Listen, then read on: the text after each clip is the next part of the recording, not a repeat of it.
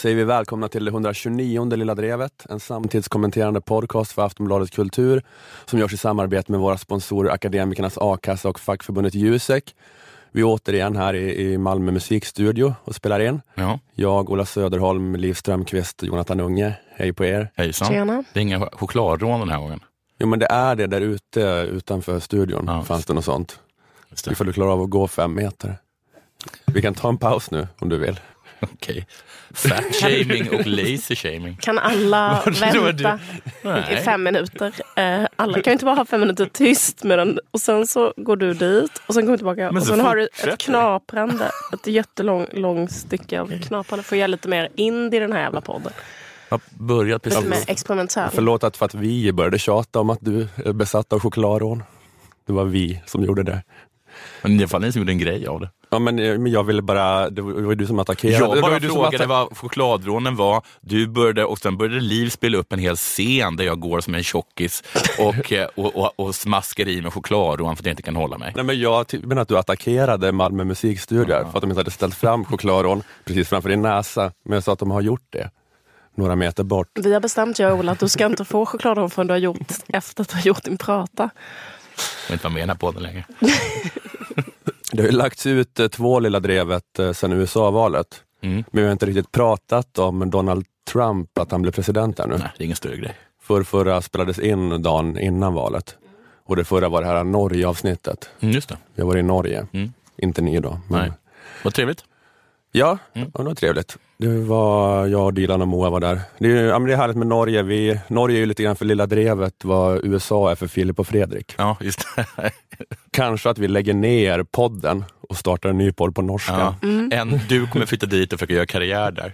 Och så åker du hela tiden, var, varje vecka åker du till Malmö och spelar in Lilla Drevet här. Ja, precis. På norska. Sen åker jag till Norge och försöker sälja in olika format. Vad sker? Skulle den kunna heta. Vi säger välkommen till Lilla Drevet, morsom podcast om politik och samfundsspörsmål Ja, snyggt. som vi lagar i samarbete med Aftonbladet Kultur. Eh, Du läser ju, inte du som läser, eh, vad heter han, Lötgård? Knausgård. vi blandar ihop Knausgård med den svenska Petri-profilen Jörgen Lötgård. Det är väl samma sak. Ja. Du läser han på norska, eller Du är hur? så himla effortless i dina Ja. härskartekniker tycker jag. Det är faktiskt imponerande. Du, Ja, jag, lä- jag läste honom på norska precis. Så gammal jag- norsk? Nej, Nej, det gammelmål. bokmål. Bokmål och nynorsk. Ja, men bokmål är ju det gamla skriftspråket som, är, alltså som nästan alla använder. Ja, Ny, det- nynorsk är ju det lite nyare nationalistiska projektet, att de skapade ett nytt skriftspråk på 1800-talet. Jag är Och det är nynorsk. 10-20 procent som Jag är nynorsk. Du gillar nynorskan mer. Ja, det sägs att det mer ska imitera någon slags, för att de tyckte att det här bokmål var för likt det danska skriftspråket. Mm. Och så ville de då hävda sin norskhet och då gick de, någon norsk lingvistprofessor ut i byarna på västlandet och hittade eh, gamla människor som pratade urnorska Jag och skrev de- av hur de pratade. Snälla sluta prata om detta. Jag har feber. Okej. Du vill bara riva av den där podden lite snabbt. Inte fastna i långa utvikningar om, om nynorskans uppkomst. Men, ehm, men om vi ska ta det här nu med Donald Trump, Ja. eh, lite grann, att han blev president, Mm. eh, så har jag en grej på det och det är att det var ju konstigt, Ja. himla märkligt att han är president. Mm. Jätteunderligt. Alla sa att det inte skulle vara så. Mm. Jag menar, även om man vill vara en sån iskall, Mm. von oben, Marxist bro, analytiker som bara vadå, det här var ju helt självklart för vem som helst som läst något annat än DN Kultur. Att ända sedan Trump valtalade i rostbältet och hotade Ford med en 35% i straffskatt och de flyttade fabrikerna till Mexiko visste man ju att det här skulle hända. Även om man vill vara en sån, så kan man ändå unna sig att tycka att det är för jävla konstigt att han är president. Vila lite i den känslan. Ja, men jag bara, alltså bara, bara man tänker på vem Donald Trump är. Att har man följt amerikansk populärkultur, som de flesta av oss har gjort, så har man ju vetat vem Donald Trump är väldigt länge. Och han har alltid varit referensen för absurditet i alla talkshows och så vidare. Mm. Han har hela tiden varit det skämtet. Vem är den mest skrattretande, absurda, orimliga, gapiga douchebagen? Det är Donald Trump. Conan O'Brien, Letterman, bara nämnt Donald Trump, billigaste enkla skrattet. Alla bara ha ha ha ha bara tanken på att en sån människa ens finns. Och det är det som gör att det här då med att han nu är världens mäktigaste man, att, att konstigheten i det blir så uppskruvad. Ja, jag tycker också det, för jag bryr mig inte alls om hans politik. Jag förstår, det är bara att jag inte förstår hur de kan lägga en röst på honom. Han kanske, alltså, jag, alltså det, jag tycker det är så himla himla konstigt. Ja, precis. Hur en så materialistisk man är i sin syn på världen måste man ju tycka att nu spelar det väl ändå jättestor roll att ja. det är han. Han är fullständigt, fullständigt märklig, fullständigt märklig figur. Ja, men för det har hela tiden varit den stämningen att det har varit på gränsen till för konstigt att han överhuvudtaget existerar. Mm. Mm. Alltså det har ansetts vara lite problematiskt bara att han finns som privatperson. Mm. Det har varit lite för mycket. Och nu är det mer att han bara finns. Alltså det blir så uppskruvad konstighet. Att han inte, ens, han har inte bara ansetts vara den mest absurda människan som någonsin kandiderat till president, utan han har ansetts vara den mest absurda människan, punkt. I alla kategorier. Och nu är han då president. Att det, är så maximerad konstighet. Att, eh, jag vet inte. Allt låter futtigt som man säger, men det är bara svårt att greppa det här att det var, ja, jag vet inte. Ja, ja. Eh, ni, ni, ni, jag vet inte vad jag förväntar er att ni ska kunna tillägga Nej, men om det här. Precis, du tittar det där besviket på oss. Vi, ja. vi, vi, håller, vi håller med dig. Vad ska vi lägga till? Mm. Det är som att man hade valt en burk. Ja. Eller hur? Då hade man sagt så här, men när du glömmer att burken har lovat och sagt väldigt många saker som tilltalar människor. Och då säger man ja, men visst är det konstigt att det lägger en röst på en burk. Mm. Eftersom den är gjord i plast. Mm. Mm. Och den här burken har inte ens ett handtag. Så hur ska man flytta på den? Just det. Precis. Och det är en bra, en bra kommentar. Ja, nej, ja. ja det, var, det var mitt fel. Jag tvingade dig till det. I alla fall, eh, det som alla är mest intresserade av nu för tiden, det är den här nya då folksporten att förklara trumpismen. Alla tävlar om att vara bäst på att obducera liket, den liberala demokratin. Just det. Vad är det som har hänt? Hur kunde det hända? Karva, karva i liket. Karva i Peter Wolodarskis kropp. Ska du göra det också? Bästa, ja, jag kommer mm. prata lite mer om det sen. Eh, skända liket, den liberala demokratin. Vad ska ni prata om? Jag ska prata om antisemitism. Jag ska prata om uh, en trailer jag såg för Min sanning. ja, ja. ja. Okay. Ni ska båda prata om exakt det man hade kunnat gissa. I alla fall Jonathan, inte Liv. jag har hånat uh, Ola så mycket i mina andra poddar så jag kan inte säga någonting. Ja, jag har hört ett rykte om det. Ja. Vad har du sagt? Om... Det är det vanliga. Men, att jag... han äter knäckebröd? Ja, precis. Ja. Exakt. Men det är bra. Det är bra. Ja. Det, är, det är starkt. Men så det är bara sånt. Men jag blir så förvånad över att det var någon som twittrade och golade om det. Ja. Vad är det för människor som gör sånt? För den som får höra det blir bara ledsen. Ja, det var som jag sa Hade också. Tänkt att jag säga tänkte... det bakom Olas rygg? Ja. det är helt sinnessjukt. Men är det, var det inte, var det... Men jag tycker ofta att folk gör så. Har du hört vad den här har sagt om dig? Mm. På Twitter och sånt. Berätta inte det för mig eller för andra. Det tillhör väl inte hyfs?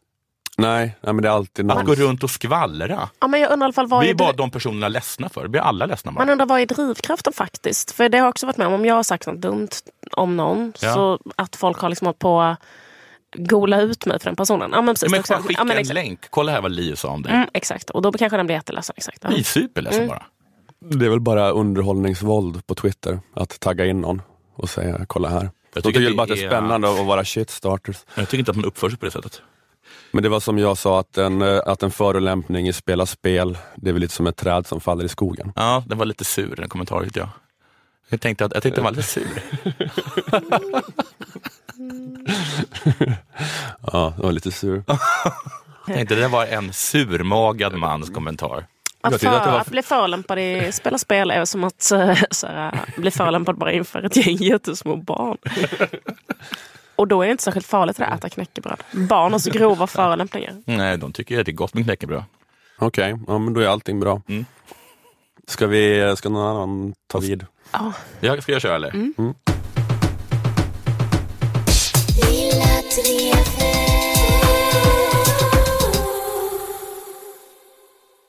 Jo, eh, jag satt under en paus i mitt spelande av Skyrim sent igår kväll och försökte hitta något helst en nyhet att tala om i dagens Lilla Drevet. Mm. Mm.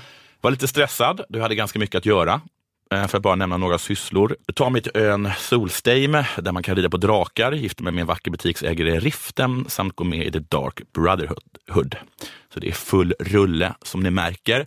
Hittar till slut en grej eh, om en möjligtvis antisemitisk bild som publicerats i DN. Toppen tänker jag, frågar Ola nådigt om lov. Får jag, Precis, jag gör, får jag göra något om detta? Höghet. Får en tumme upp och lite beröm tror jag. Eller i alla fall ett positivt svar. Har ni den kommunikationen? ja, Riktigt? I form av ett bra utropstecken. Nej, jag svarade du skriver i fel tråd. Bra! Ja, okay. Du skickar till och med någon länk. Ja, Här får du en länk också. Mm, Bra det. gjort. Bra Jonathan. Men när jag idag skulle skriva om det här ämnet så märker jag att det står ingenting om det någonstans. Nej, Nej. Okay. Jag kommer ihåg att jag såg det på Facebook och så såg jag lite på Twitter. Det var en Facebook-Twitter-grej. Okej. Okay. Det var en bubbla. Just det, sånt är svårt att bedöma. Ja, för sen frågade jag dig Ola om det här var något och du gav mig bra och en tumme upp. Men jag kom ju på att du är också i den bubblan. Ja, det är också att jag stirrar på Twitter. Men har inte Peter Wolodarski, förlåt, för jag har sett ett, uh, bara ett avfotad text som han ändå måste ha skrivit i DN. Där han, han typ skrev den i liksom, DN? Okej, okay, jag, jag tror att han skrev, eh, typ en, inte en ursäkt, men typ så här, vi har kollat med mm. Föreningen, uh, vad heter de, föreningen mot antisemitism. Svenska kommittén mot antisemitism. Ja, vi återkommer till det, mm, så säg ingenting. Mm. Uh, Okej, okay, det var kanske lite nyhet då, men ingen stor nyhet. killarna avbryter tjejerna i Lilla Drevet. Har ni tänkt på det? ja, men nej, du ska, ju, du ska ju paja min prata, det måste jag säga till. Jag skämtade. Tjejer kan göra det, Jonathan. Åh, oh, det ska bli skönt när den här podden är klar. Nå, nå. Livs kollega, satirtecknaren Bard, har, har tecknat följande bild. Magnus Bard. För man blandar ihop honom tycker jag med lite grann eh, eh, Alexander Bard. Ja, om man inte om man inte till kan förnamn. ja, då gör man det. Förlåt. Om man, ja. om man är förnamnsblind mm. så blandar man ihop dem. Mm. Han har i alla fall tecknat följande bild. Eh, eh, Donald Trump och Bibi Netanyahu sitter tillsammans i en bärstol som bärs av bland annat en Ku Klux Klan-medlem, israelisk soldat och en chassid. Ni vet någon som med svart hatt, skägg och skruvlockar. Mm. Och denna bild har fått massiv kritik. Det har den ju inte. Men det såg ut så i delar av mitt Facebookflöde och Twitterflöde. Men tydligen lite mer då eftersom han har svarat på det i tidningen. Vid sådana här tillfällen så väntar man ju alltid på ett uttalande av Svenska kommittén mot antisemitism och till slut kom den och här är den. Vi tolkar den som kritik av Netanyahu och israeliska regeringen, inklusive de nationalreligiösa och ortodoxa partier som ingår i den. Som välkomnar Trumps seger och blundar för de högerextrema och rasistiska strömningar, inklusive antisemitiska sådana, som bar upp hans kampanj. Och sen lite om att man kan vara kritisk mot Israels politik utan att vara antisemit samt att kritik kan vara plump och orättvis utan att vara antisemitisk. Mm. Vad tyckte du? Mm. Jag reagerar alltid eh, med ryggraden att allt är antisemitiskt. Mm. Så på så sätt är jag inte någon bra fråga. Jag tycker ju alla i det här bordet, till exempel antisemiter, inklusive mig själv. Jag tror inte jag har varit ihop med en enda kvinna som inte varit helt övertygad var antisemit. Även de judiska? Nej, okej. Okay. inte Ellen eller Josefin. de klarade sig precis. Okay. Och detta då uttalande fick några som kommenterade under uttalandet att gå i taket. Eh, vad var de då missnöjda med? Undrar jag. jag trodde på förhand det skulle mest handla om den här chassidden. Ja, på deras Facebook-uppdatering, Svenska kommittén, Precis. så blev det en diskussion eh, i tråden Exakt. där då olika Uh, ja, just det. just det. Eh, för jag trodde det mesta då skulle handla om den här eh, chassidden. Och det var ganska många i kommentarsfältet som också tog upp det. För jag tänker på den här bilden av Ariel Sharon av Lars Hillersberg, hur det så? Som ansågs vara antisemitisk på grund av att han hade avbildat eh, Sharon med en kippa på huvudet. Mm -hmm. För att liksom understryka att han var jude. Alltså det är väl att Lars Hillersberg var ju, lever han fortfarande? Jag kommer inte ihåg. Man var ju spritt språngande antisemit. Mm. Jag, jag har faktiskt äh, läst en bok eh, där jag läste alla hans skämtteckningar och jag kan också säga att han var antisemit. alltså, nej, men bara menar att det fanns ändå en diskussion. Jag, ja. Han förstod aldrig det och sen så gjorde han liksom motteckningar så här, jag blev anklagad för antisemitism. Fast han, alltså, jag tror till sin död att han aldrig fattade, alltså, han trodde inte att han var det själv. Men ja. han förstod inte vad som var så här, skillnaden på att kritisera eh, en folkgrupp eh, liksom, och så här, typ, polisen eller något sånt där. Eh, och, och det tror jag han gjorde faktiskt. Nu inte jag låta som en medlem i rummet, men jag tror väldigt få antisemiter förstår att de är antisemiter. Det finns det några, liksom, liksom lite som David Duke och sådana saker som är mer, som är mer jag vet vad jag är. Ja, ja men det är nog rimligt. Eh, det låter rimligt det jag säger. Men om det nu är så att man ska kritisera religiösa judar och deras partiers politik, då blir det lite svårt att utelämna sådana detaljer. de trycker ju ganska hårt på det själva. Ja, du menar den här Lars Hillersbergs-bilden? Ja, men om du säger att du ja. kritiserar någon och sen så eh, understryker att den är jude, men om du, un, om du vill kritisera någon som är liksom judet, judes religiös och mm. för en sån politik. Att det, i den teckningen, I den bild blir det jättekonstigt om man inte skulle ha med sådana saker. Ja, precis.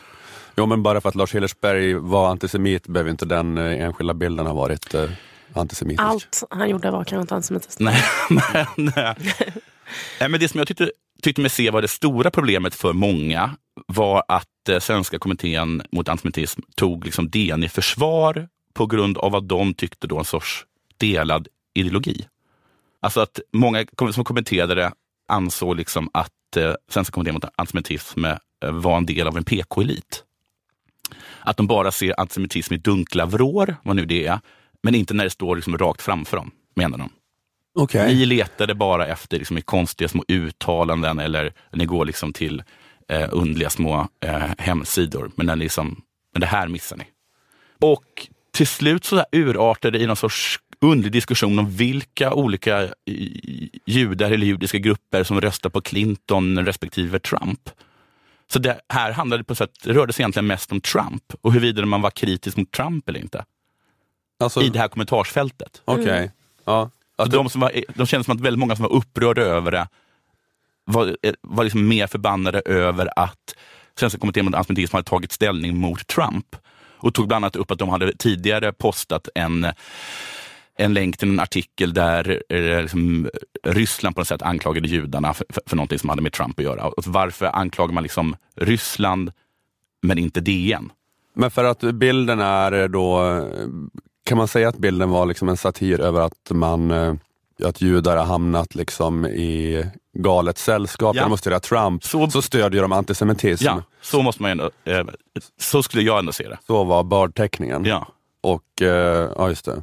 Men, och då är det Trump-anhängare bland svenska judar som höll på att kriga i kommentarsfältet och ja, precis, för säga att det var... För sen så började de liksom tolka, alltså sen, till slut så är det med alla, med alla teckningar, men det blev liksom bara ett sånt tokigt eh, liksom, tolkningskrig som utfördes i det här kommentarsfältet. Då mellan judar som, som tyckte att saker var antisemitiska, men det var helt olika, de såg helt olika saker som antisemitiska. Bland annat så hade Svenska kommittén mot eh, antisemitism tagit upp Eh, i en kommentar till kommentarerna tagit upp Trumps olika antisemitiska blinkningar. Bland annat en video där George Soros och chefen för Goldman Sachs liksom visas upp och ser hotfulla ut. Vilket då fick en av kommentatorerna att mena att det, det där inte alls var antisemitiskt, utan bara visar två personer med massa pengar och makt. Och frågar också retoriskt då, för du har dem väl? En bild på en rik jude med makt. Det är inte antisemitism. En, bi en bild på Netanyahu och en chassid. Det är antisemitism. Alltså jag tycker bara det var lustigt att, att, att någon som står och anklagar någon för antisemitism mm. sen liksom vägrar att se Alltså står liksom och skriker om att Svenska kommittén mot antisemitism inte ser självklar antisemitism. Mm. Och liksom i kommentaren efteråt bortförklarar eller försvarar vad jag skulle se som en supersjälvklar ja, antisemitisk gliring. Ja, jag förstår. Och det här är väl kanske bara fånigt att jag skulle, det är väl självklart för att det är massa olika sorters judar som tycker helt olika saker. Men det blev, eh, jag tyckte bara att det blev någon sorts liten, liten minibild av Nej, men liksom, det går liksom inte att dela en världsbild med någon längre känns det som. Det fin- eh, alltså du kan, eh, hur ska jag någonsin kunna liksom, möta den här personen som, mm. som, som, som, som, är liksom, jude, som tycker det är ett problem med antisemitism, men som ser en, en fullkomligt självklar antisemitisk bild som inte är det och vice versa för mig då. Att det är det, är det här post-sanning, filterbubbla-världen. Att det inte finns någon konsensus om vad som är. Ja, men, eh... men om man inte kan, om man inte kan lita på de som skriker antisemitism längre, vilka kan man lita på då? de, jag, jag har ändå alltid litat på dem. Nu kan jag inte lita på dem heller. Men det, är det var min sista bastiljon. Jag fattar, det vad jobbigt. Du känner dig så här, um, lost i ja, kosmos. Precis. Jag tycker att höger och vänster, ja sånt här kan vara svårt, men man kan alltid lita på de som håller koll på antisemitismen. Men nu är det också fångat av det här postsanning-paradigmet. Ja. Det är också eh, bara putinism nu, att allt är antisemitism och allt är inte antisemitism. Och det söndrar verkligen. Det, är verkligen, det tar sig in i vilken grupp som helst och, liksom, och söndrar den. Och, det, och liksom, om nu liksom vi som tycker till om antisemitism Om nu även vi har blivit sända av det här. Ja. Vad ska då, vilken byggsten ska vi då bygga? Alltså vad ska vi lägga grunden på? Våra egna vänder sig mot eh, Svenska kommittén mot antisemitism och säger att den, är, att den liksom inte ser antisemitism. Mm. Och då är det Vad fan ska vi göra då? då, bara, då, då är det över, då faller vi bara fritt i universum. Ja. Det finns ingen fast mark under fötterna Nej. alls. För att det här att man vet vad som är antisemitism, det är första byggstenen som man kan stå på. Man måste ju stå på något för att bygga. liksom. Mm. Och vi hoppas att det finns någon väg tillbaka till ett samhälle då vi kan skrika antisemit åt folk utan, Utan att behöva tvivla. Utan att behöva tvivla. Mm. Att det är enda sättet att vi ska kunna få någon slags hemkomst här i kosmos igen.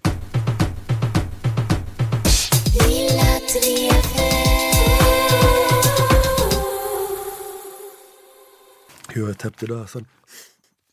Eh, vi ska berätta om våra sponsorer nu. Världen är en osäker plats, som Ja. vi var inne på. Verkligen. Putin kommer att annektera hela Östersjöregionen. Trump kommer bara svara med en high five. Över med NATO. Därför behöver ni annan trygghet.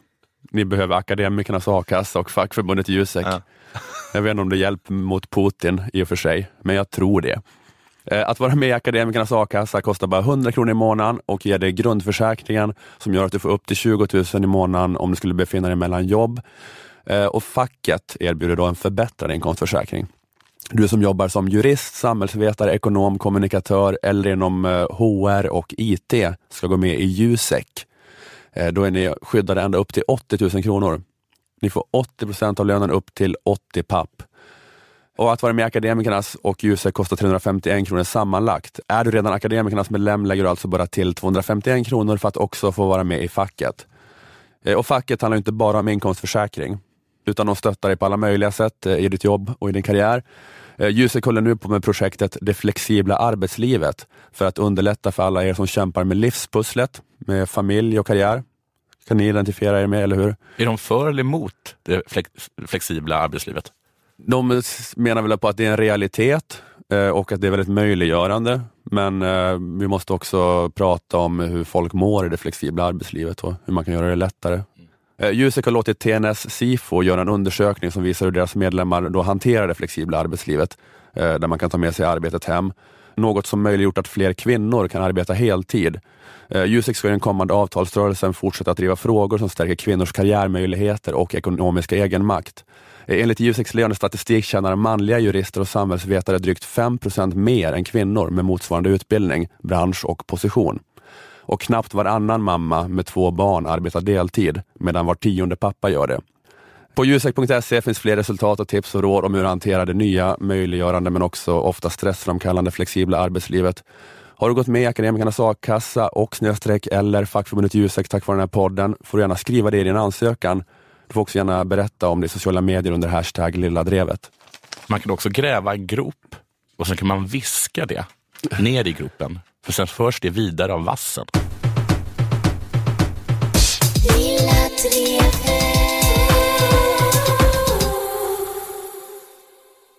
Det har varit eh, svårt för oss eh, invandringsförespråkare att vara bra eh, på sista tiden, har jag tänkt på. Okej. Att jag önskar att vi hade varit lite bättre på att här, argumentera och ha svinbra egna politiska förslag och sådär. Mm. Och vinna olika så politiska debatter. Istället för att eh, bara fastna i någon slags grej där man bara sitter och pratar om moral. Att vi liksom inte har varit så bra på att prata om så egna konkreta politiska lösningar. Den sidan i debatten har varit på defensiven har det Ja, känts som. precis. I något år nu i alla fall. I ett år ungefär så har vi varit lite dåliga på att säga så här, nu vinner vi med den här argumentationen. Utan det har varit mycket istället att eh, folk sitter och pratar om eh, eh, kanske sina egna känslor eller moral kan alltihopa och så här. Vilket har gjort att det kanske varit lite lätt att eh, avfärda invandringsförespråkare som så här, eh, lite verklighetsfrånvända lallare typ. Ja, men vilka av de argumenten varit tidigare? Det har varit det där liksom att vi tjänar på invandring. Ja, Eller att vi inte- behöver invandring för att ta hand om de gamla. Vad har liksom argumenten för invandring varit? Alltså det är svårt att säga för att det är ju moraliskt i grunden antar jag för de flesta. Det är väl mer att eh, man ska säga hur det ska gå till, Okej. antar jag. Ja, Ja, du menar jag så. Ja. Inte bara ta typ, man emot, skulle- vi ska ta emot dem så här. Man skulle säga så här. Så här ska vi göra så att alla i EU ska ta lika mycket ansvar. Eh, Så här ska vi göra för att eh, öka antalet kvotflyktingar kanske. Så här ska vi göra för att det ska kunna komma lika mycket kvinnor som män till Sverige och att det inte ska, liksom, folk inte ska behöva sitta i en gummibåt. Men så har det inte riktigt varit. Och det här blev inte bättre av att Jonas Gardell blev intervjuad i en trailer till tv-programmet Min sanning. eh, Där han ska medverka på söndag. Det har det inte varit. Jo, det kanske har Jo, för varit. jag, tyckte- jag tyckte jag Okej. såg det lite på det. Okej, då har det Ja, varit. ja. Ja. då hade jag fel. Eh, Det har redan varit, men jag såg eh, den här trailern. Mm. Och Jonas Gardell började i alla fall med att säga just det som vi har snackat om en hel del i Lilla Drevet den här hösten. Nämligen att många människor, däribland tydligen Jonas Gardell, anser att eh, höger-vänster-skalan är på väg bort. Men jag menar att det där vänster och höger bitvis är på väg att luckras upp nu. Men om vi inte då engagerar oss och har lösningar på samhällsproblem utifrån liksom en politisk ideologi vad, som drivkraft då, vad ska vi då ha? Alltså vilka är då Jonas Gardells kriterier för att engagera sig i samhället? Mina kriterier för att, att engagera mig i samhället är evangeliet. Eh, det vill säga att, att en gång ska kungen, står det, eh, tisdag titta på oss och säga jag var hungrig och ni gav mig att dricka, jag var törstig och ni gav mig, nej, hungrig och ni gav mig att äta, jag var törstig och ni gav mig att dricka, jag var sjuk och hemlös och så vidare och ni tog hand om mig. Han, han, han är ganska luddig i ett så, eller han, jag tycker att han stressar ett så himla viktigt ehm, en så himla eh, eh, viktig del av Bibeln som han grundar hela sin ideologi på. Ja. Och man, man borde kunna den bättre tycker jag då. Ja, just det, säga lite mer högtidligt. Ja. Att, ah, det var något så här, äta, äh, ah, hung, kungen hungrig. Det här grundar jag allt jag, jag, jag, jag agerar bara utifrån det här eh, citatet jag har. Jag vet inte riktigt vad det är. Det var något i stora drag, någonting om att man skulle få Ge äta och dricka. Var, Ka- Karl den 16 Gustav. Om han är hungrig så ska man ge honom att äta. Nej, men det som han menar är ju då att att eh, på den yttersta dagen så kommer vi alla att bli dömda av Jesus för hur vi har handlat när vi levde på jorden. Eh, och Jesus säger då också, det ni har gjort mot den allra minsta av mina små, det har ni också gjort mot mig. Vilket får eh, Jonas Gardell att fortsätta spåna då på vad som kommer hända mer exakt på domedagen. Den här kungen vi ska möta som ska säga jag var hungrig och, och, och, och jag var hungrig och ni gav mig inte att äta och så vidare. Det är ju för mig den här treåriga pojken i Medelhavet, han som drunknade i Medelhavet. Allan Kurdi. Ja, den pojken kommer vi alla möta en gång. Och, eh, och han kommer säga, jag, var, jag drunknade och ni lät det ske. Och då måste vi ha ett jävligt bra svar till honom. Varför vi inte behagade ta in honom. Och vad händer då ifall vi inte har ett eh, riktigt, eh, riktigt bra svar? Då tänker man att det ska vara att man ska få brinna i helvetets eviga eld och sånt där. ja. Men då säger han så här. Och har vi inte ett riktigt, riktigt bra svar till honom så kommer vi få skämmas riktigt, riktigt rejält. Men jag bara önskar, eller jag såg inte detta. Det är möjligt att hon gjorde det. Anna Hedenmo som vi hörde här också. Hon, hon är ju den som intervjuar honom. Det kan ju varit så att hon ställde den här motfrågan som inte jag bara såg, för jag såg bara trailern. Alltså motfrågan, varför har då Gud med hjälp av Jesus skapat hela den här situationen? Först skapat hela världen, sen hela mänskligheten, sen EU, sen fått Europa, sen hela världsläget, sen kriget i Syrien, skapat Allan Kurdi. Sen har då Gud låtit Allan Kurdi dö, tre år gammal. Gud har liksom sett på när Allan Kurdi dör. Sen efter att ha låtit det ske väntar då tusen, kanske tusen år till. Massa andra helt vidriga saker kommer hinna hända då. Kan jag våga satsa. Eh, förmodligen då ända tills den yttersta dagen. Eh, och då, där och då ska han liksom vinka in Allan Kurdi igen och låta honom själv föra alla människor. Och fråga så här, så alla människor som har levt typ 2015 ska säga så här, varför lät ni mig dö? Det här är ju liksom en öppen dörr. Men jag tycker ändå liksom, om han, om, eh, det här är en öppen dörr mot kristna, men om man ändå sitter och kritis, eller liksom, om man ändå sitter och eh, intervjuar en kristen människa så kan man ju bara ta tillfället i akt och bara fråga det. Hur... Då kommer man bara svara fria viljan och sådär. Ja, Just det, för det där är teodicé-problemet, eller vad? Ja. Precis, men varför håller... eh, Vad är poängen med att hålla iscensätta ett sånt superbisarrt spel där han bara utsätter Gud, utsätter de mänskligheten för miljarder helt fruktansvärda händelser. Bara titta på med sånt surt dömande öga. Eh, och sen sitta och skriva upp hur de har agerat för att sen på yttersta dagen konfrontera dem och vara så här. Varför gjorde du så här? När jag gjorde så här. Varför gjorde du så här under tsunamin? Ja, alltså man kan ibland längta till en, eh, en, en gammaltestamentlig gud som inte var besviken utan arg. När vi väl gjorde fel så utrotar han oss. Ja. Som inte, det är skönare tycker jag med, med kanske sådana föräldrar då som är, blir arga på den än de som blir besvikna på den. ja. Det här är väldigt skapar modern, liksom- um, typ slags curlinggud. Ja. Som är så här, uh, efter all den här tiden då, efter tusen år efter det här med Allan Kurdi, så ska det vara så här, uh, nu ska du skämmas. Jag skulle rekommendera Gud att, lä- att läsa Jesper Jull, eller Jul, och läsa lite om eh, på en skam och hur det kan göra. Nej, men eh, jag vet inte. Min enda poäng var att det kändes så jävla... Alltså just att så här, Just det man kanske vill komma ifrån lite, som är det här jättehögstämt moraliska läget, liksom till förmån för mycket mer så här politisk, eller liksom en, en eh, svinbra debattör som kanske säger hur vi ska lösa alltihopa. Så liksom ännu mer den här eh, fruktansvärt då outa Mm. eh, sagan med den här darrande rösten. Jag, jag bara kände att det blev... ehm, Ja, men det kanske är viktigt för vissa människor att höra, men jag, man kan ha lite svårt att veta vad man ska med det till, för att det är ingen är ju för att det som hände Alan Kurdi hände Alan Kurdi. Alltså, alla vill ju hjälpa till. Eller det, alltså, frågan är ju inte, frågan är ju bara hur. Liksom. Alltså, varför, varför åker man på en gummibåt? Vad är, liksom, vad är de bakomliggande orsakerna till det? Vad, ja, hur liksom funkar asylrätten i EU? Hur, ja, OSV. Och sen bara känns det som domedagen. Liksom, jag men det var så, så, så, så skönt att inte ha domedagen med som, en, som ett element. Liksom. Det var så himla, himla jobbigt tänk på yttersta dagen. Att allt, alltså allt som ska hända, allt som har hänt sedan tidernas begynnelse ska bara så redas upp. Dinosaurierna kommer in och kommer vara där och så här konfrontera de här däggdjuren som åt deras ägg. Så kommer vara så här. Om inte ni har ett riktigt, riktigt bra svar på varför ni åt våra ägg som vi dog ut, då kommer ni få skämmas Men riktigt Gardell, mycket. precis, Små däggisar. Däggdjuren bara står där och hänger med huvudet och bara Han har bytt ut liksom domedagen mot någon sorts, någon sorts eh, eh, Desmond Tutus sanningskommitté. Just det. Det blir inga direkta påföljder liksom. Förutom, förutom att man får skämmas. Om man är inne på att man vill ha liksom någon slags domstol, så, då tänker jag det, det skulle man väl så här väldigt konkret kunna... Alltså, då skulle man väl kunna förespråka att Allan Kurdis familj skulle kunna stämma. Alltså, de fick ju nej när de på sin asylansökan från Kanada. För att den var inte fullständig. Kan man stämma? Vet, Fattar ni vad jag menar? Finns det något sånt man kan göra? Men bara det här känns bara så jävla... Där skjuta den där pojkbandspremiärministern de har i Kanada. Stör mig som fan på honom. Justin Trudeau. Dränk honom i Medelhavet. Ja, Ja, det är också det här med eh, att alla ska stå till svars eh, för på den yttersta dagen. Att det blir speciellt i vår tid, för att det är vi som kan ställas till svars på grund utav media.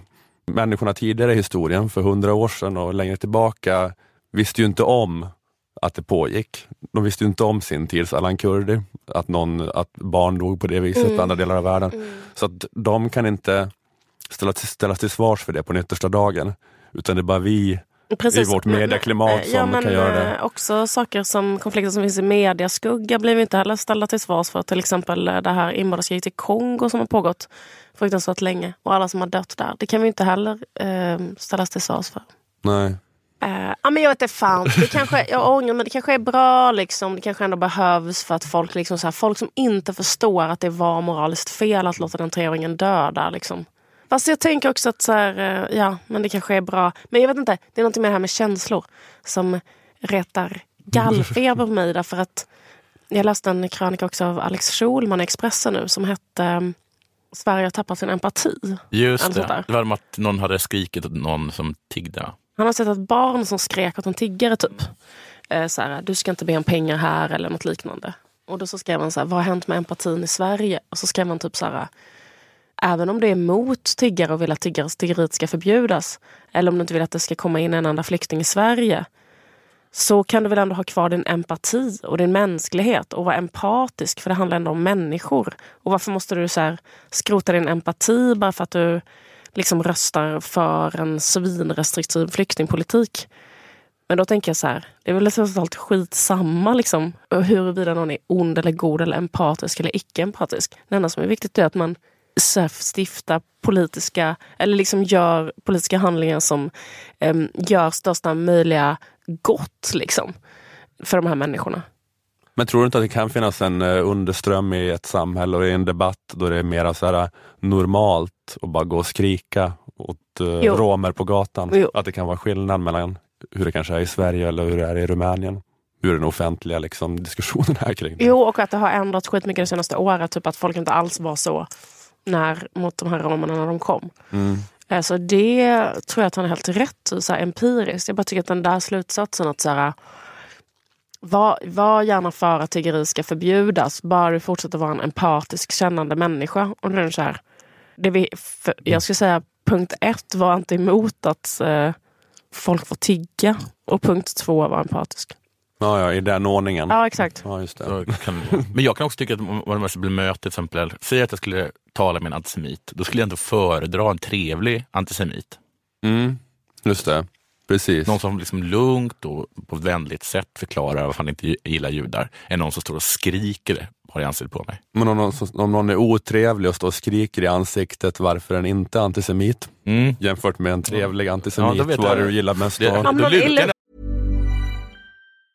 Want to get a chiseled look in the jawline? Sculpt and shape your jawline with added volume from Juvederm Volux XC. Juvederm Volux XC is an injectable gel specifically designed to be robust enough to improve moderate to severe loss of jawline definition. And it is the first and only hyaluronic acid filler approved for the jawline. Add volume to your jawline for a chiseled look with Juvederm Volux XC. For important safety information and to find a licensed specialist, visit juvederm.com that's J U V E D E R M.com. Not for people with severe allergic reactions, allergies to lidocaine, or the proteins used in Juvederm. Common side effects include injection site redness, swelling, pain, tenderness, firmness, lumps, bumps, bruising, discoloration, or itching. There's a risk of unintentional injection into a blood vessel, which can cause vision abnormalities, blindness, stroke, temporary scabs, or scarring. Talk to a licensed specialist to find out if it's right for you. Visit juvederm.com. That's J U V E D E R M.com. Nästan åt den trevliga antisemiten. Jag tycker det är så himla jobbigt för folk som är som har sån där ton. Om någon illustrerade med en jätterolig fyndig teckning som heter Fint färglagd. Ja, men då tycker jag att det är väl ganska bra. Men, eh, men jag tycker liksom att... Varför bitchar du Simme Kinnen?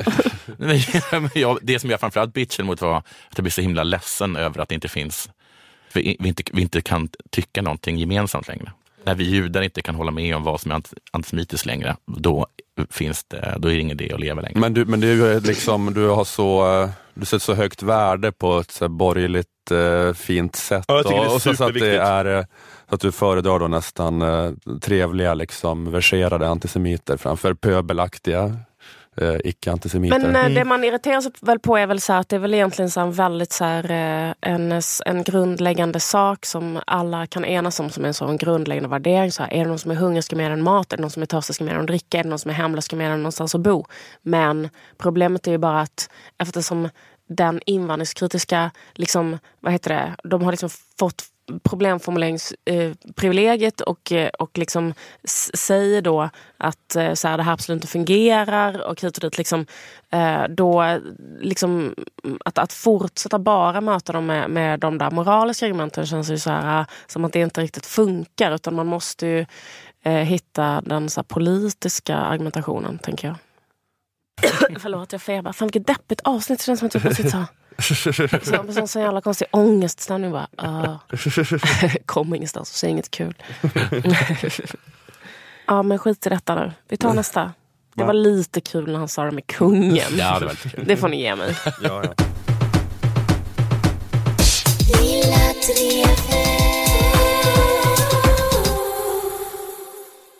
Folksporten förklarar trampismen. Mm.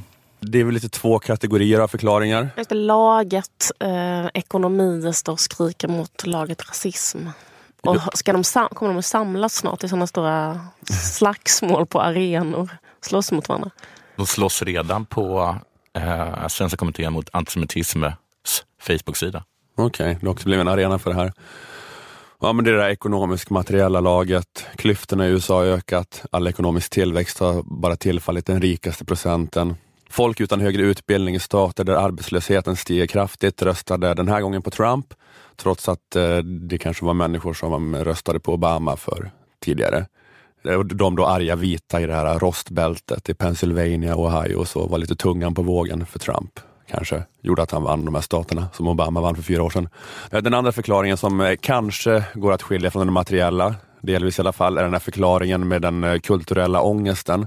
Att en stor grupp människor i USA och i väst i allmänhet som känner en brist på erkänsla, som jag hörde Göran Rosenberg kalla det i sin Godmorgon världen-krönika.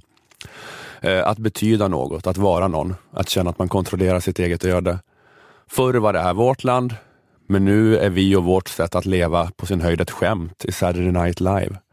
Att vi skulle ha en egen representation i kulturen mm. finns inte. Och att vi skulle omtalas på något annat sätt än som dumma, kristna, böghatande hillbillies finns inte heller. Och att man känner att de i ens egna community som far illa är så osynliga. Att det etniska minoriteter som far illa i den amerikanska ekonomin, de får kanske ingen hjälp med att resa sig materiellt, men de får åtminstone den liberala elitens medlidande de kanske skriver något om dem i New York Times. De kanske skildras nyanserat eller till och med positivt i filmer och tv-serier. Men de här sparkade kolgruvarbetarna i Scranton, där det är mera haha, sitter i din trailer och tar crystal meth tills du dör. Mm, Äckliga, det, dumma white trash. Det låter, det låter precis som uh, Slates uh, Culture Gabfest. Om de hade sagt något snällt om, om vita som haft lite tufft så hade vi inte suttit i den här uh, sitsen. Förutom de senaste veckorna, då det är det enda folk har pratat om hur synd det mm. är om de här nu, ja. Scranton. Scranton kolgruvarbetarna. Nu bölar de i Slates Culture Gabfest. Och den här bristen på erkänsla, den sårade självkänslan leder då till frustration, vrede, hat. Eh, Mark Lilla, en professor i humaniora vid Columbia University, ja. han har skrivit en artikel om det här i New York Times med rubriken The End of Identity Liberalism slutet för identitetsliberalismen. Men det betyder kanske slutet för identitetsvänstern med tanke på hur liberal då mm. brukar användas i amerikansk kontext. Han skriver att USA det är som bekant ett land som präglas av mångfald och då är frågan, hur ska mångfalden prägla vår politik?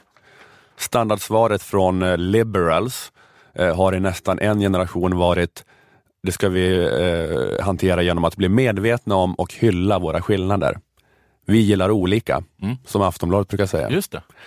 Eh, och det är ändå en fin moralisk princip för ja. att leva efter, så privatmoralisk. Men Mark Lilla skriver att det är en katastrof som grund för en demokratisk politisk massrörelse.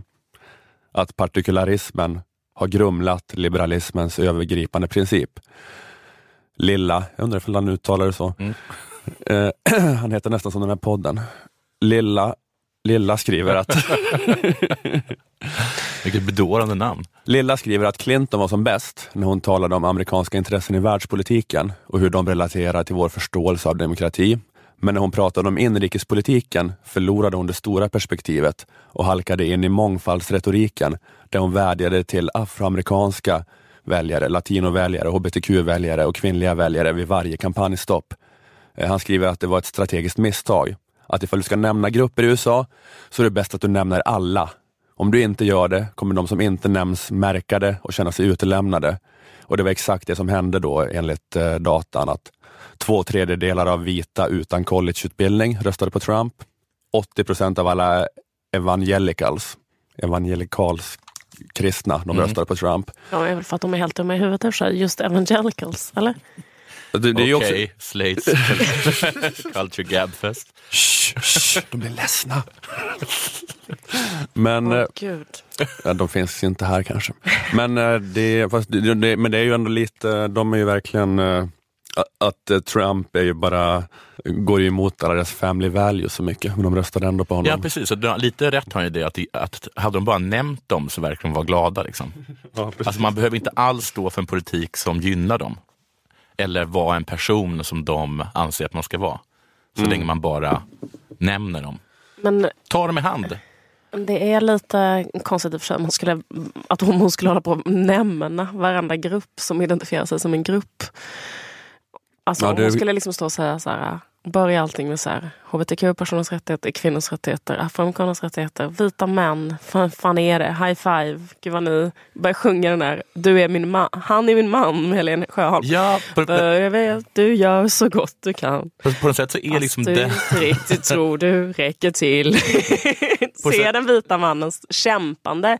I och för sig, nu, nu, nu tänker jag att jag är on to something. Kanske det hon borde ha gjort. Men sätt känns ju han, nu känns ju äh, Lilla så som en sån äh, identitetspolitisk person. Som, som räcker upp handen när det är ett panelsamtal och säger varför finns det ingen med funktionshinder? Att han säger varför finns det ingen som är evangelikal? Ja, Ja, han är på, han är på ett Hillary-möte, sticker upp handen. Men äh, de kristna då? just Varför är det. inte de med på podiet? Men, ja, han, har, han har en poäng. Men jag tror att hans poäng här är ju nog inte så här att åh, hon borde ha nämnt varenda grupp, utan snarare hon borde inte prata om grupper så mycket. Eh, då. Men eh, jag, jag fortsätter att Ja. kämpa oss igenom den här artikeln. Han skriver, ni får ursäkta att det är lite hackig översättning här, eh, men han skriver att den moraliska energin i identitetstänkande har haft många positiva effekter. Affirmative action, alltså kvotering, har förändrat och förbättrat eh, företagslivet, näringslivet. Black Lives Matter har varit en väckarklocka för alla amerikaner med ett samvete. Hollywoods ansträngningar för att normalisera homosexualitet i vår populärkultur hjälpte till att normalisera det i amerikanska familjer och i det offentliga livet. Men fixeringen vid mångfald i våra skolor och i vår press har producerat en generation av liberals och progressives som är narcissistiskt omedvetna om villkoren utanför deras självdefinierade grupp och likgiltiga inför uppgiften att nå ut till amerikaner i, i alla eh, walks of life, i, i alla delar av samhället. I tidig ålder blir våra barn uppmuntrade att tala om sina individuella identiteter, till och med innan de har dem. Eh, när de har nått college, eh, many assume that diversity discourse exhausts political discourse. Vad betyder exhaust här? Att det bara överskuggar eller? Eh, att mångfaldsdiskursen är viktigare, är det viktigare än allmän politiska diskursen. Eh, och de har chockerande lite att säga om eviga frågor som klass, krig, ekonomin och det allmännas bästa. Eh, Sen hoppar jag över några stycken här. Lilla! Bra Lilla. Men bra. Sen hoppar jag över några Alla vita killar bara, så jävla bra. Lilla. Den är så jävla bortglömd. Sen hoppar jag över några stycken eh, tills han skriver att eh, det är inom electoral politics, då, inom eh, rikspolitiken, det är där identity liberalism har haft sin, sitt mest spektakulära misslyckande. Nationell politik handlar, när den mår bra, inte om skillnader utan om enhetlighet. Och den domineras av den som bäst fångar amerikaners imagination om vårt delade öde. Ronald, Ronald Reagan gjorde det. Det gjorde även Bill Clinton. Han tog det demokratiska partiet bort från dess identitetsmedvetna flygel och koncentrerade sin energi på inrikesprogram som skulle gynna alla, som en nationell sjukvårdsförsäkring. Och han definierade USAs roll i en post 1989-värld. Genom att sitta två mandatperioder där hade han möjlighet att åstadkomma mycket för olika grupper inom den demokratiska koalitionen. I kontrast med detta är identitetspolitik largely expressive, not persuasive. Att man uttrycker sig, sin egen eh, särart då, men det är inte en missionerande, man försöker övertyga andra, den breda massan. Nej, och eh, det är problemet med det är ju att eh, ifall du börjar sådär att du nämner alla grupper eller så som Eh, vissa, kanske mest uttalat feministiskt initiativ och sånt där, grupp som liksom, när man nämner alla grupper så, så blir det liksom till slut att såhär, det, all, det, det, den vars fel allting är i hela samhället är då liksom en eh, vit eh, cisman. Eh, problemet med det är liksom att det är svårt för dem eftersom de är utdefinierade av liksom hur, alltså biologiska saker så kan ju de aldrig joina en, eh, en rörelse. Liksom. Alltså det finns inget sätt att så här, gå med. Eh, så att man, är, man eh, lämnar ju dem helt därhän. Det blir, det blir liksom olikt en annan polisideologi på det sättet. Där man liksom kan säga så här. Jag har läst den här boken och nu tycker jag eh, som Folkpartiet. Eh, sen skriver han att liberals inte förstår att deras egen besatthet vid mångfald och identitet har fått vita, rurala, religiösa Amerika att se på sig själva som en förfördelad grupp vars identitet eh, är hotas eller är ignorerad. Dessa människor reagerar egentligen inte mot de verkliga förhållandena i mångfaldsamerika, för att de lever inte det. De lever i väldigt homogena delar av landet. Eh, utan de reagerar mot den allestädes närvarande retoriken om identitet vilket är det de kallar politisk korrekthet. Liberals bör komma ihåg att den första identitetsrörelsen i USA var Ku Klux Klan och den existerar fortfarande. Den som spelar identitetsspelet bör vara beredd att förlora det. Slutcitat. Det, det, ja, det är lite olika saker där då, att vilja bevara ett apartheidsystem som Ku Klux Klan och att som kanske afroamerikaner ha intressegrupper som försöker bryta socialt utanförskap. Men Mark Lilla försöker göra den här pengen då som jag hört eh, andra göra, att, att vita i USA, eller kanske då snarare vita kristna lågutbildade på landsbygden har börjat se på sig själva som en intressegrupp som har ett identitetspolitiskt projekt som hotas av majoritetssamhället och de röstar liksom som en minority group. Och enligt Lilla då har det provocerats fram av den liberala elitens besatthet för identitet och mångfald. Jag vet inte ifall det är orsaken. Vad sa du? Han, hon, han skyller då eh, allting på PK-samhället. På den eh, diskursen att de partikulära intressena har hamnat för mycket i förgrunden och att det är universella, att vi alla är samhällsmedborgare i första hand. Och I det här fallet och amerikaner, att det har hamnat i bakgrunden. Jag vet man kanske kan säga då att det här svarta communityt eller uh, eh, hbtq-communityt, de kanske har haft uh, legitima skäl att inte känna solidaritet med samhället i stort. Uh, för samhället har inte varit lika mycket för dem då som det har varit för vissa andra. Och då har de haft kanske då väldigt giltiga skäl att vi prioriterar vår identitetskamp i första hand. Men nu är det då så att de vita kristna lantisarna, rätt eller fel, också börjar tycka att de har de här legitima skälen. Och att alla börjar med det här tribal-tänkandet. De intervjuade Jon Stewart i CBS, mm. eh, den älskade satirikern som ledde The Daily Show fram tills för något år sedan. Och han fick ge sin syn på valresultatet och han pratade så om vilken anomali eh, multietnisk, multikulturell demokrati är. Vilket otroligt nytt och kortvarigt experiment det är i mänsklighetens historia. America is not natural. Natural is tribal. We're fighting against thousands of years of human behavior and history to create something that no one's ever. That's what's exceptional about America, and that's what's like. This ain't easy. It, it's it's an incredible thing. Att det ligger nära till hands, alltid det här, menar han. Man måste vara äh, beredd på det. Att börja bete sig tribal, tribalistiskt. Finns det ordet på svenska? Och det här är ju inte det Jon Stewart säger då, men den här New York Times-artikeln säger att eh, identitetsfixeringen har gått så långt att den börjar uppmuntra de tribalistiska tendenserna på bekostnad av någon universalistisk medborgaranda. Det behövs en invasion från rymden.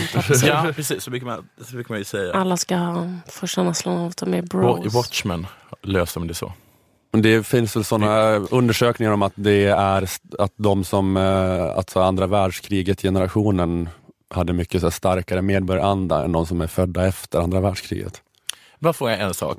Mm. Eh, stämmer det här? Nej, jag vet inte. För jag menar, vad är skillnaden? Alltså, nu vann, nu vann Trump med...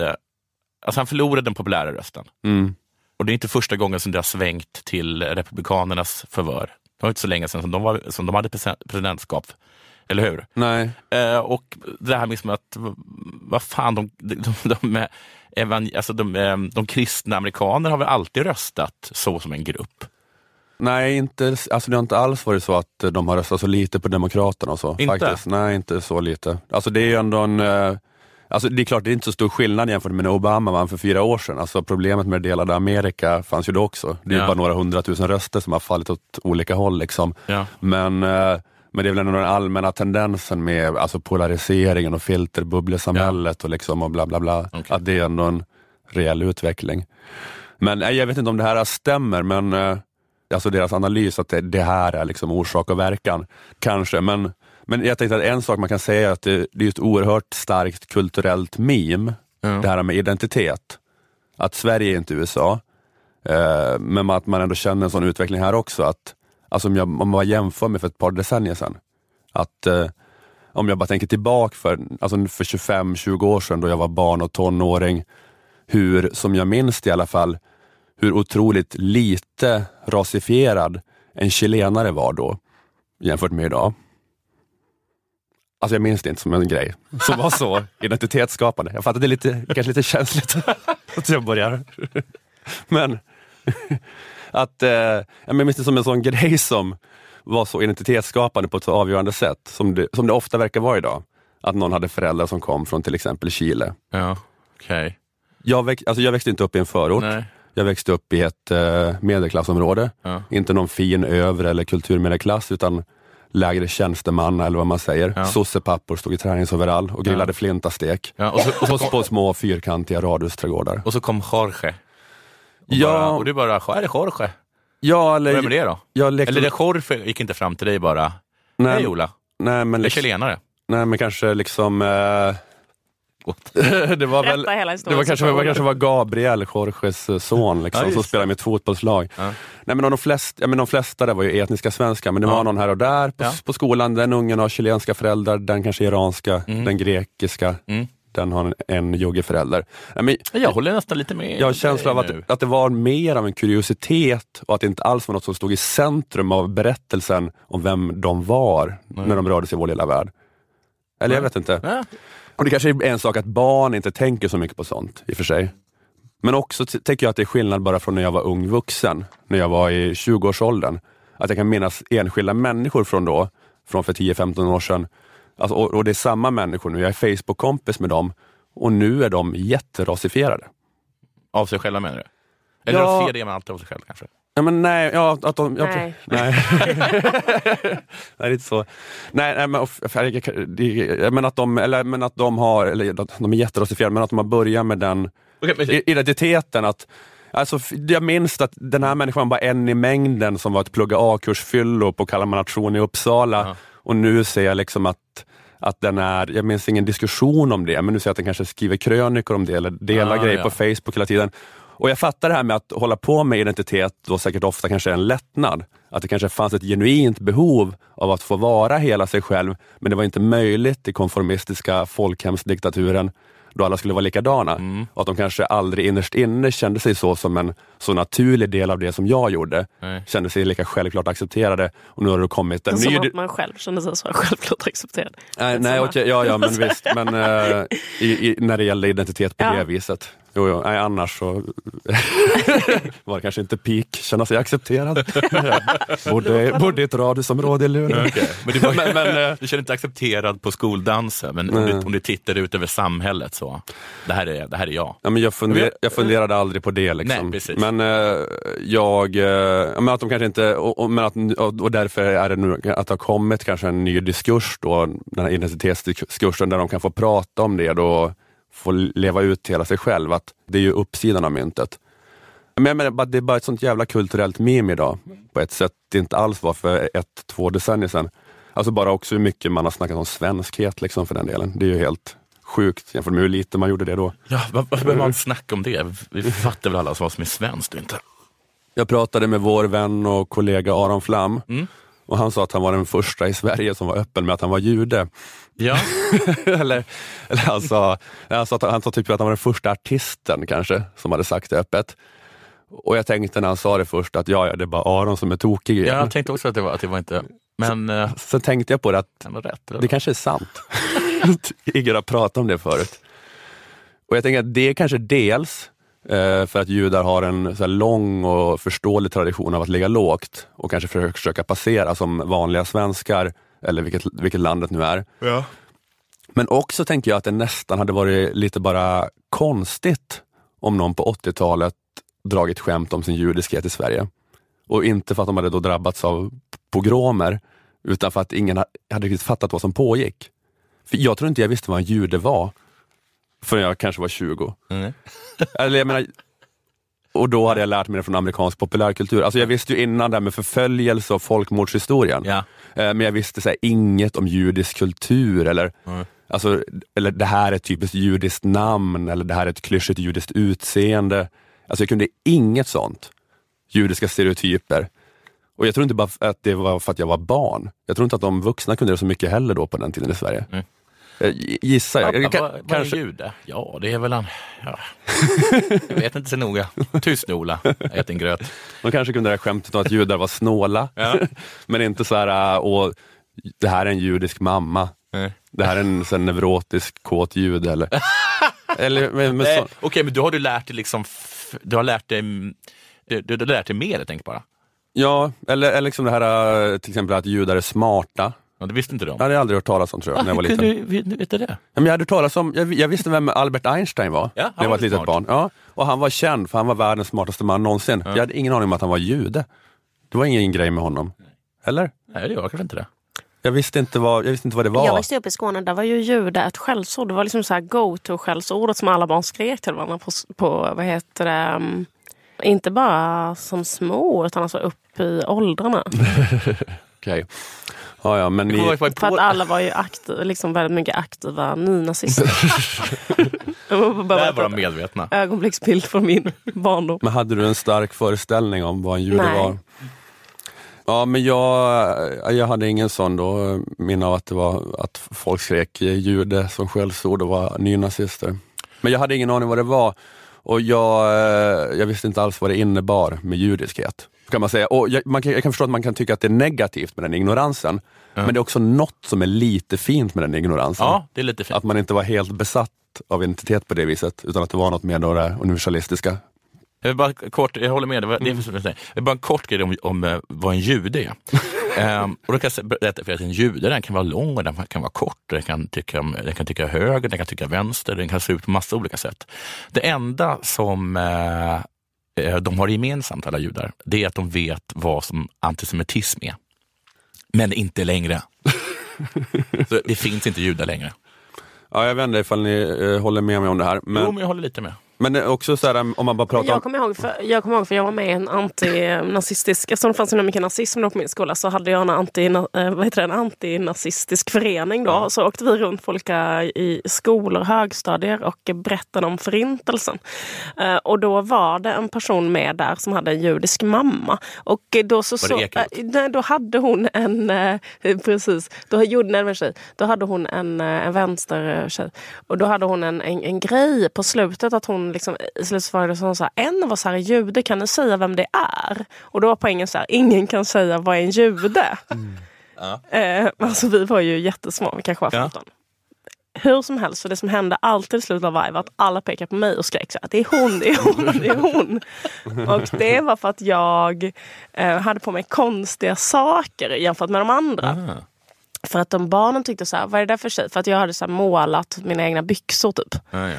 Och de sa, den där jättekonstiga måste det ju vara. För det måste ju vara ett jävla freak. Så det kändes så här som en sån, eh, ja det kändes som en, eh, som en sån grej. Att, de, att man kände som att det var helt misslyckat hela jävla föredraget. Typ att så här, vi sitter och berättar allt där och sen så när vi slutar så är det så här, det måste vara den konstigaste människan här. Men, men också, det är i och för sig berättar också att man inte visste någonting om judiska stereotyper. För de trodde att så typisk jude är så någon som har målat med akrylfärg genom yang-märken på sina egna byxor. Det är helt okänd stereotyp om Ja, men exakt, för, för det är det jag menar då att... Eh. Ser ni inte att det är en vänsterbrud? Exakt, exakt. Vad fan, ser ni inte att det här är en batikhäxa in the making? vi, vi, sa, vi, sa inte, vi sa inte peka ut antisemiten, vi sa peka ut juden. Men... Nej, Ja, äntligen blir det lite trevlig stämning i den här jävla studion. Nej men vi sa, ehm, eh, men jag menar det säger, då fattar jag, ja, skånska landsbygden, det finns någon sån gammal då, eh, liksom, högerextrem rörelse som är antisemitisk, men att barnen inte visste nog vad en jude var och man skriker som ett allmänt skällsord, ungefär som man skriker bara miffo till någon då, Ja. man tar Ja. jävla jude. Ja. Så det är ändå den här, det är ändå den här jag tror, ignoransen, of, oförståelsen kring identitet på något Men vis. Om- kunde det vara så att du kunde, du kunde peka ut alla lästadianer? De hade du koll på. Pelle är ju lästadian. Nej, men det jag där tänker också lite att det var det. Alltså så, för att det kanske var för att det inte fanns en judisk community där. Att, du borde... har, att, du har, så här, att, du, att ni hade koll på annat. Liksom. Ni visste vilka, du visste, Nej, vi- men- du visste vilka som hade liksom, eh, som hade stre, var strejkbrytare under, eh, under stora gruvbataljen. Eller sån här. Ja men det är väl en annan sak, det är Ja, ja. identitet. Men, men Ja, fast, men det, det, det, det, Ja, men nej, men, nej, men, nej, men, det- men, Snälla för fan, låt mig ta mitt exempel för det är bättre än ditt. Samer. Nej, men det är ju det som är grejen. Ja, men det är ju det som är grejen, att det är ju jätte... Gruv, gruvstrejkare då? Okej, samer. Du hade råkoll på vilka som var samer.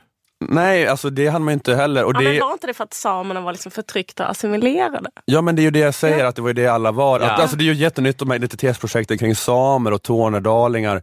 Också, alltså, jag menar, min morfar växte upp i Tornedalen och han var så här helt, alltså, han fattade ingenting när de snackade om meänkieli, att det är vårt språk.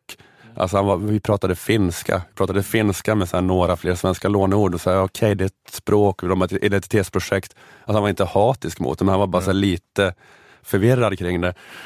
Min morfar är i och för sig eh, s- eh, en så här svenskspråkig familj där, så att han kanske in, inte har anspråk på att eh, äga den kulturen. Men han, Han pra, han, pra, han pratade finska med alla sina kompisar.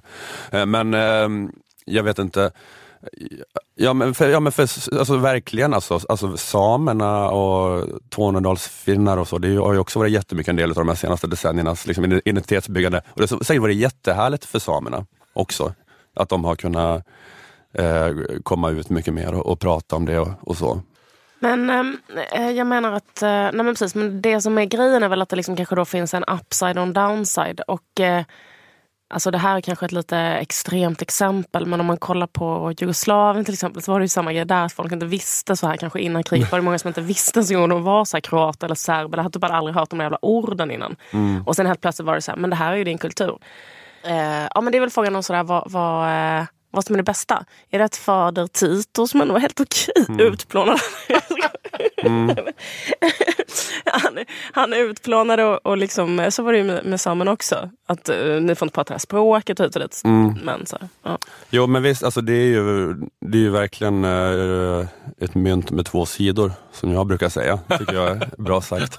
Jättebra sagt. Men, eh, nej, men jag menar också bara ta det här med hur det är för dig Jonathan, då, att du är judisk av börd, men du är inte alls uppfostrad in i det. Nej. Men du så tyckte det var kul att utforska det Ja. när du var i 20-årsåldern. Din mamma är likadan, hon är judisk börd, hon är inte alls uppfostrad i det. Nej. Och hon har ju inte gjort det överhuvudtaget. Nej. Och jag menar, hur, hur mycket kan det ha haft med tidsandan att göra? Att det hade varit så konstigt att din mamma gör det på 70-talet? Eller jag vet inte. Jo, men det så kan det absolut vara. Sen har jag för mig att det var liksom lite hett ett tag att vara jude. Och, och, och det var runt så här 90 92 någonting. men, men att, att Israel liksom var lite, att eh, det hade slutits ett fredsfördrag, Camp David. eh, Det, var liksom, det kändes lite positivt, nu kommer det bli fred. Eh, Man kanske till och med kan åka till Israel utan att vara bosättare. Jag åkte till kibbutz. Jättemånga åkte kibbutz, ja. Just det. Sen slog det över igen. Eh, Med Gazakriget och sådana saker. Ma- mamma försökte väl varna mig. Det där, det där slår ju över. Det är bara en trend, fattar du väl? Snart kommer du, kommer, kommer du slänga bort den där identiteten. För den inte är så populär längre. Det här kan vara fel. Men ganska många judar, lite äldre judar har svenska namn. Ja, Leif, Silbersky, Stefan. Stefan. Göran Rosenberg. Göran. Men nu heter de ju David och Jonathan hela bunten. Men är inte det där som eh, att det sägs om de här klassiska eh, tysk-judiska namnen som låter så superjudiska, att man heter Clyde och Birdstein och sådär, att det var egentligen från början, nu ska vi ta så tyska namn som möjligt för att smälta in. och sen så har det blivit judeklyschnamnen. Ja, för man kan inte heta Leif längre. Nej men jag undrar för det kommer bli som med Leif och Göran och ja, Lennart, ja. så här, vad är det här för judenamn? Till slut.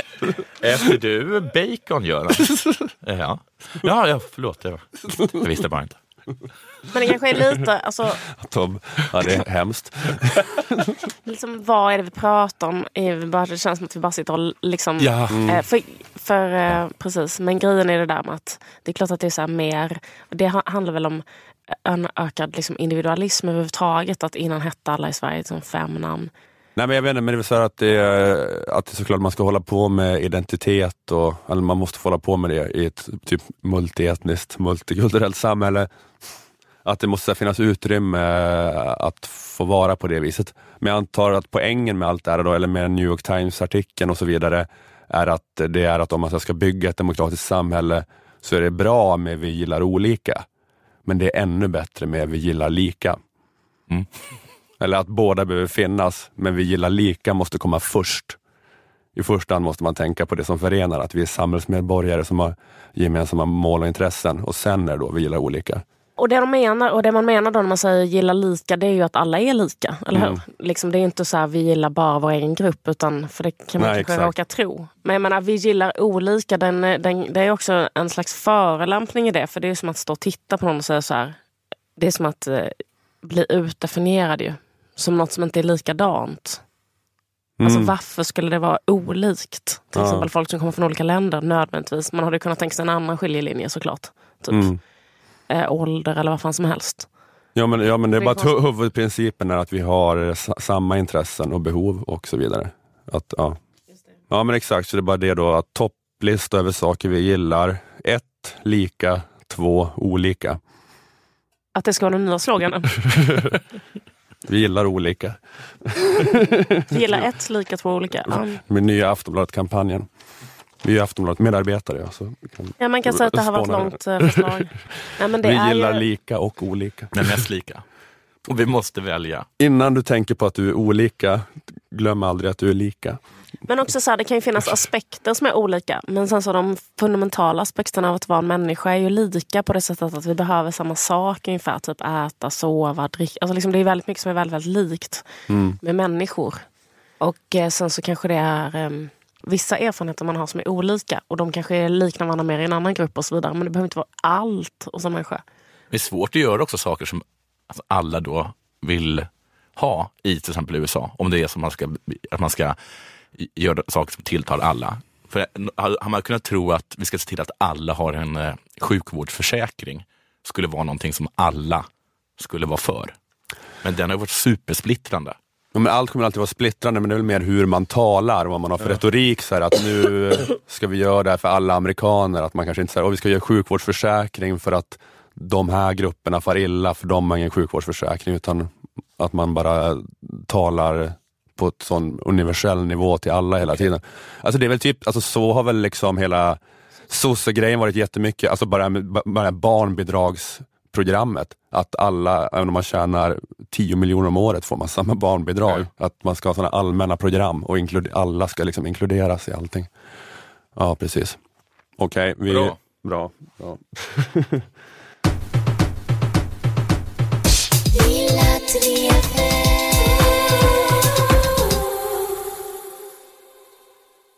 Jag vill fortsätta med att göra reklam för min eh, videoklipp på Youtube som heter Helt fantastiskt.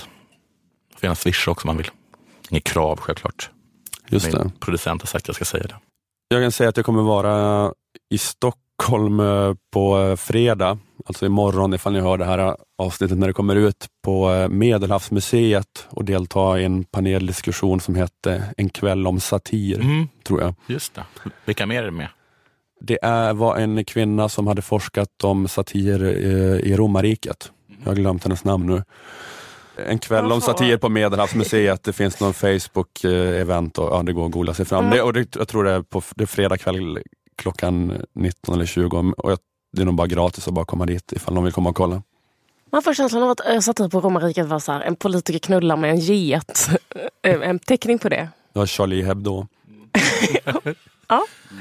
Uh, om de nämner Aristofanes som då är grek så kan du säga att han inte var så bra. Mm, Okej, då har jag en line. Okej, var det allt? Mm. Vi säger eh, tack till Aftonbladet Kultur, tack till Akademikernas A-kassa och fackförbundet Jusek. Tack så hemskt mycket Malmö musikstudio där vi har fått spela in. Vi heter Ola Söderholm, Liv Strömquist och Jonathan Unge. Hej då! Hej.